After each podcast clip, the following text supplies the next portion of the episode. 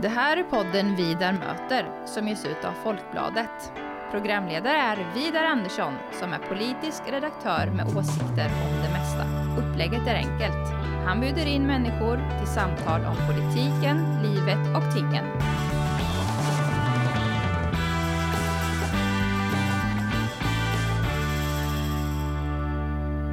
Välkommen till eh, Vidar möter eh, Hans Stigson. Tack så mycket. Eh, Det är inte första gången du gästar den här podden, utan det är faktiskt tredje gången. Jaha, sådär. Ja.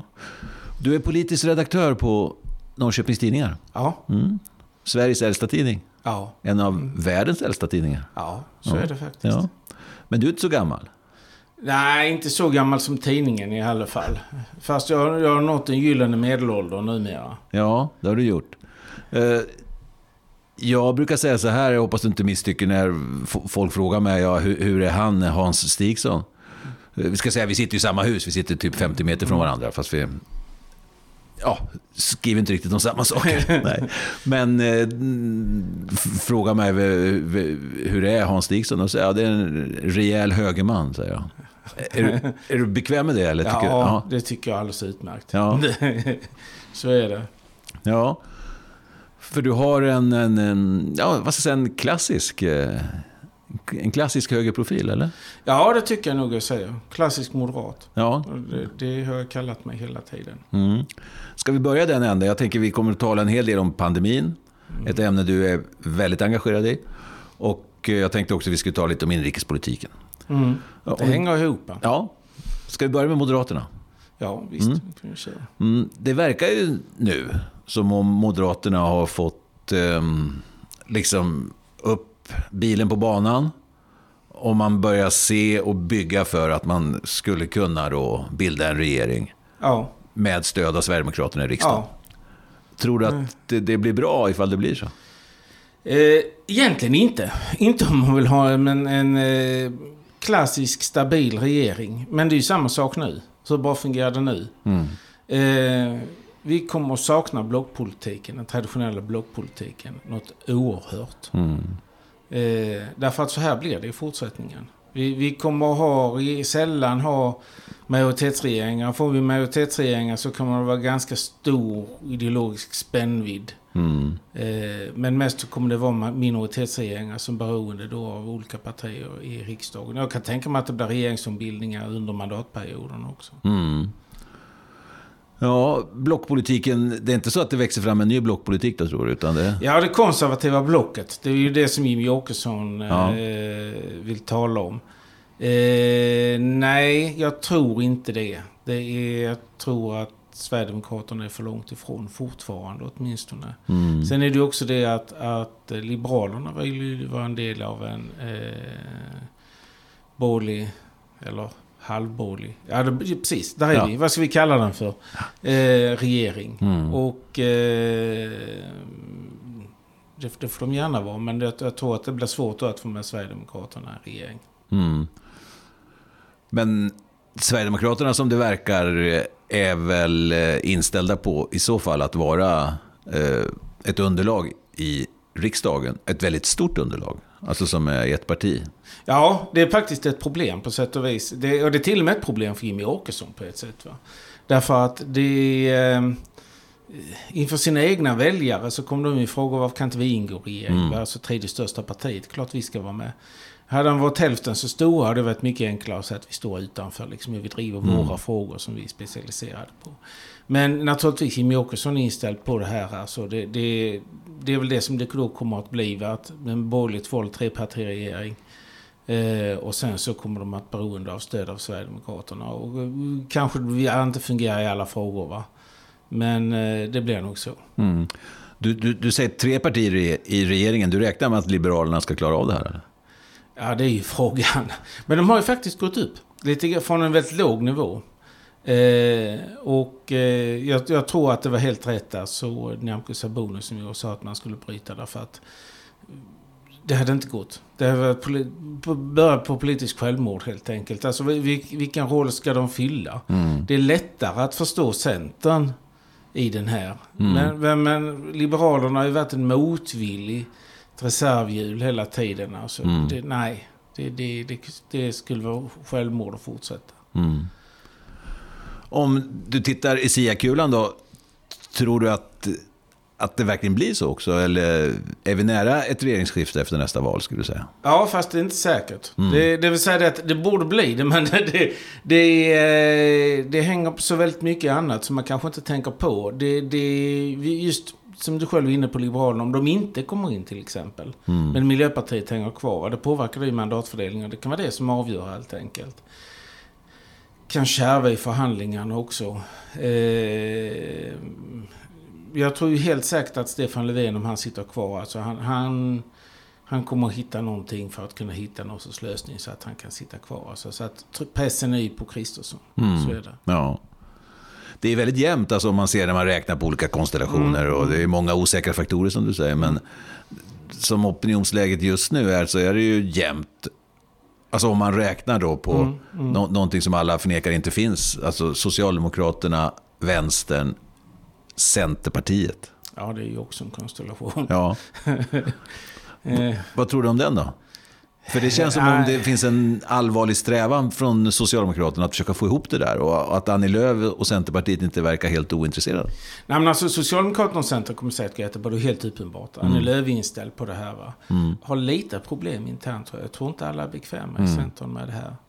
Eh, utan det är snarare då hur man ska få ihop det med Vänsterpartiet. Alltså mm. Vänsterpartiet är ju vänsterns Sverigedemokrater så att säga. Mm. Det, det eh, jag har ändå svårt att tro att Centern kan tänkas ingå i regering med Vänsterpartiet. Men däremot regeringsunderlag, ja visst, mm. så kan det säkert bli. Ja, för ut, utan vänstern lär det ju inte gå. Nej, nej men det är ju samma som med Sverigedemokraterna. Ja, ja, utan dem kommer det inte att gå helt enkelt. Va? Så att, eh, ja, man får hantera det på något sätt. Mm. Om man ser på det politiska innehållet, den politiska inriktningen för Sverige, så här, vad, vad, förväntar du i så fall av, säg att det blir en... Eh, en moderatledd regering, om vi säger så, för att slippa använda massa begrepp. Ja, nej, en, en eh, klassisk moderat politik. Men det får gärna bli lite blandning av olika saker naturligtvis. Jag bara hoppas det att det inte blir för mycket som om det är många partier som är beroende att du då får in en massa konstiga mm. Eh, special något parti ska ha liksom, just det här ska vi ha med mm. liksom. Det, det, eh, det blir ett vårdnadsbidrag igen. Ja, jo, alltså det, det är vi där igen va. Det, det, det, det, eh, det, kan bli en massa sådana här konstigheter som det alltid blir när det är i eh, småpartier. Å andra sidan, ett av de här småpartierna är ju som sagt inte litet då längre, nämligen Sverigedemokraterna. Mm. Va? Så eh, det beror väldigt mycket på vilken politik de faktiskt kommer att vilja ha. Mm. Och de, ja, vi vet ju invandring och så vidare vad de tycker. Va? Men, men väldigt många andra frågor som vi faktiskt är osäkra vad de vill ha. Mm.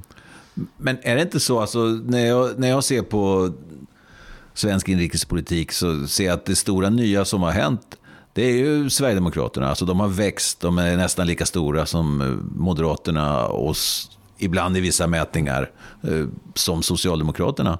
Och till skillnad från andra nya partier som ju inte växer utan de, eh, de blir där. De kan gå upp till 9-10 procent Kristdemokraterna eller Vänstern då, som är ett gammalt parti. Men det blir liksom inte mycket mer. Och Miljöpartiet ligger 4, 5, 6. Men Sverigedemokraterna har kommit in och liksom fortsätter växa och anpassa sig och beter sig Ja, alltså då, på ett annorlunda sätt. De tar röster både från höger och vänster. Ja, ja, visst. Det, det är därför som ja. Eh, de gör det. Och sen är det ju nu också, eh, om vi kommer in på pandemin, så är det ju det att detta är faktiskt gjort att de blivit accepterade kan man säga. Va? Mm. De, de, har varit med i det här från första början. Och det är mycket av frågorna om Sverigedemokraterna, liksom om det är ett acceptabelt parti eller inte, har försvunnit. Mm. Därför att pandemin har varit så mycket allvarligare så man har liksom inte riktigt haft tid att hantera det där.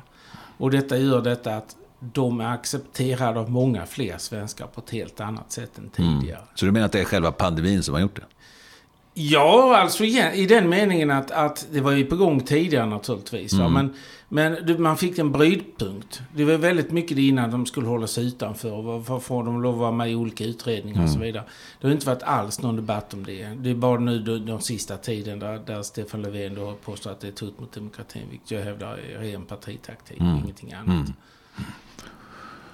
Ja, vi är inne på pandemin och uh, den är ju inne på... Um ja, vad blir det, sitt andra år nu. Mm.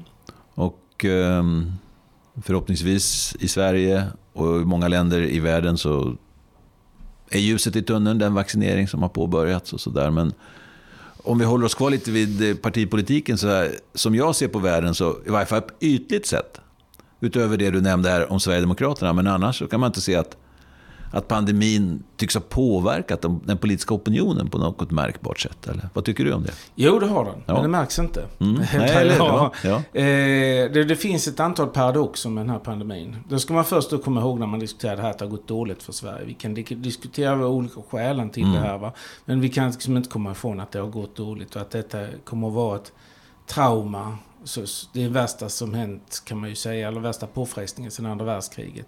Så detta är någonting som kommer att finnas med, diskuteras i decennier.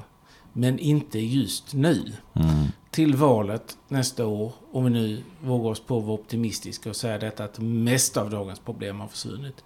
Så kommer alla vara dödströtta på pandemin. Mm. Och vis, visserligen kommer vi få ett litet räfs och rätta ting. Alltså så när Coronakommissionen kommer i slutrapport. Men sen vill ingen prata om det här. Och det, då det kvittar vem som har rätt och fel. Vi vill inte prata om det. Och det, det, det är begripligt. Mm. Men det kommer ändå att påverka opinionen hävdar jag. Eh, I detta. Och det är ett problem för Stefan Löfven framförallt. Mm.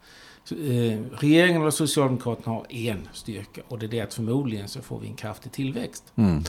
Och det kan de ha nytta av naturligtvis. Va? Eh, sen om detta till exempel riggat att arbetslösheten sjunker samma mån, det kan man diskutera. Men han förknippas med pandemin. Han förknippas med kriser. Den här krisen som dessutom är misslyckad och flyktingkrisen som också är misslyckad. Men framförallt förknippas han med pandemin. Även om det hade gått mycket bättre för Sverige hade det varit en, en påfrestning för honom. Därför folk vill inte bli påminda om det här. Alltså jag brukar jämföra med när Churchill förlorade det första efterkrigsvalet. Mm. Visserligen hävdar jag att det kanske mer någonting annat var det brittiska valsystemet som ställde till det. Men saken var den att Churchill var oerhört populär. Men folk var trötta på allting som hade med kriget att göra. Man ville mm. ha någonting annat helt enkelt. Och det tror jag är det, det stora som kommer att, att, påverka. Att man blir liksom påminda om det här hela. Man vill ha någonting annat istället. Mm. Men eh, i pandemin här så Socialdemokraterna ligger ju ganska stadigt på sina 27-28. Ja, men det har ju inte varit några andra frågor vi diskuterar. Sen är det ju så här att eh, de har ju då gått ner jämfört med hur det var för ett år sedan. När stödet, ja, den stora euforin när vi gick ja. ut på balkongen och applåderade och allt sånt där. Jag trodde ja, att, det, att det snart är över det här. Ja, ja, Och, och sen det, det intressanta är att så har det varit i alla länder ja, förresten. Det, och det har egentligen inte betydelse vilken strategi man nej, har. All, på gott och ont så är alla goda patrioter först om man följer mm. med. Och sen så efter ett år så är alla krigströtta så att mm. säga. Va? Så det, det, eh, men det, det är sant att man har ju ändå hållit förhållandevis väl jämfört med det här. Så jag, jag, tror att det kan bli mer påfrestningar längre fram. Men sen är det ju också det att pandemin har ju varit en våt filt. Det är ju inte många andra frågor vi diskuterar. Mm. Utan det är ju det här helt enkelt. Du, jag har uppfattat dig och när vi mm. har talats vid eh, tidigare om pandemin. Att du, mm. du är lite mer av en hardline. Jag är mer mjuk i kanten och tycker att det, det, det, går väl ganska bra trots allt. Men, men du har liksom varnat och förespråkat. Du har, eller, har jag uppfattat det rätt ja. om du liksom har varit för man borde ha stängt mer och haft mer restriktioner? Och... Oh ja, eh, men framförallt skulle man vara snabbare. Ja. Det är det som är det stora felet i våras. Att man inte var snabb nog helt enkelt att göra in det här.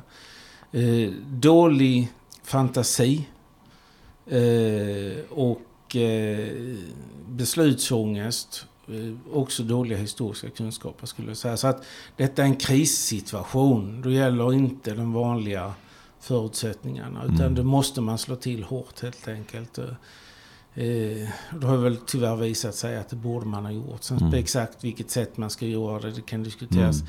Men det är inte så enkelt som att det bara är hårda restriktioner. Utan det är framförallt att vi var sena. Framförallt mm. i våras, men även i höstas. Alltså det är nästan värre på ett sätt i höstas för att då visste vi om det liksom. Då kunde man ta i mycket mer.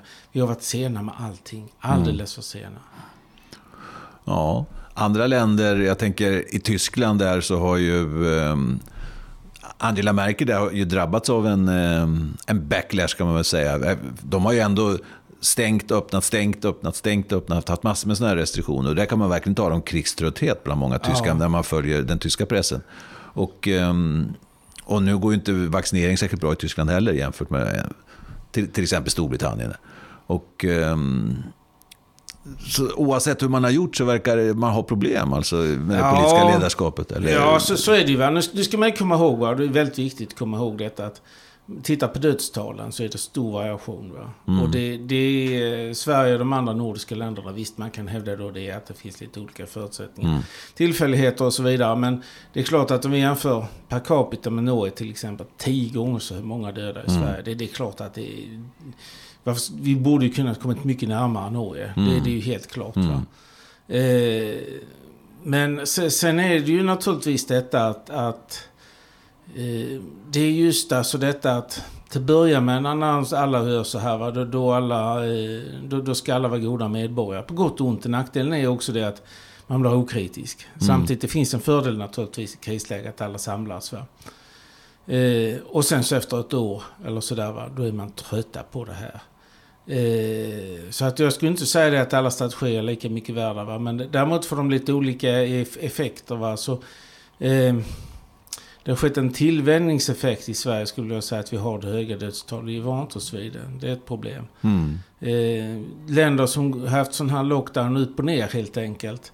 Eh, ja, det är ett problem naturligtvis alltså att, att du, du, det blir en väldigt hoppig politik och folk vet inte riktigt vad det är som gäller.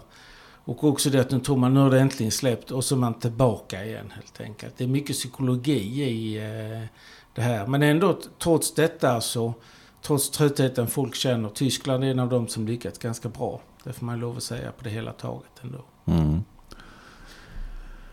Ja, men eh, om vi landar i eh, den mer rena politiken igen, så ditt eh, allmänna eller slutliga omdöme för nu, det är i varje fall att eh, inför valet nästa år så tror du inte att det här kommer att ha så stor betydelse för hur väljarna kommer att lägga sina röster. Men att effekterna de kommer på sikt. på något sätt. Ja, alltså effekterna kommer. Alltså det, det vad som är, det är det att det, det är frågan hur vi ska hantera det här. Det blir ett trauma. Det är mm. ett trauma som är obearbetat.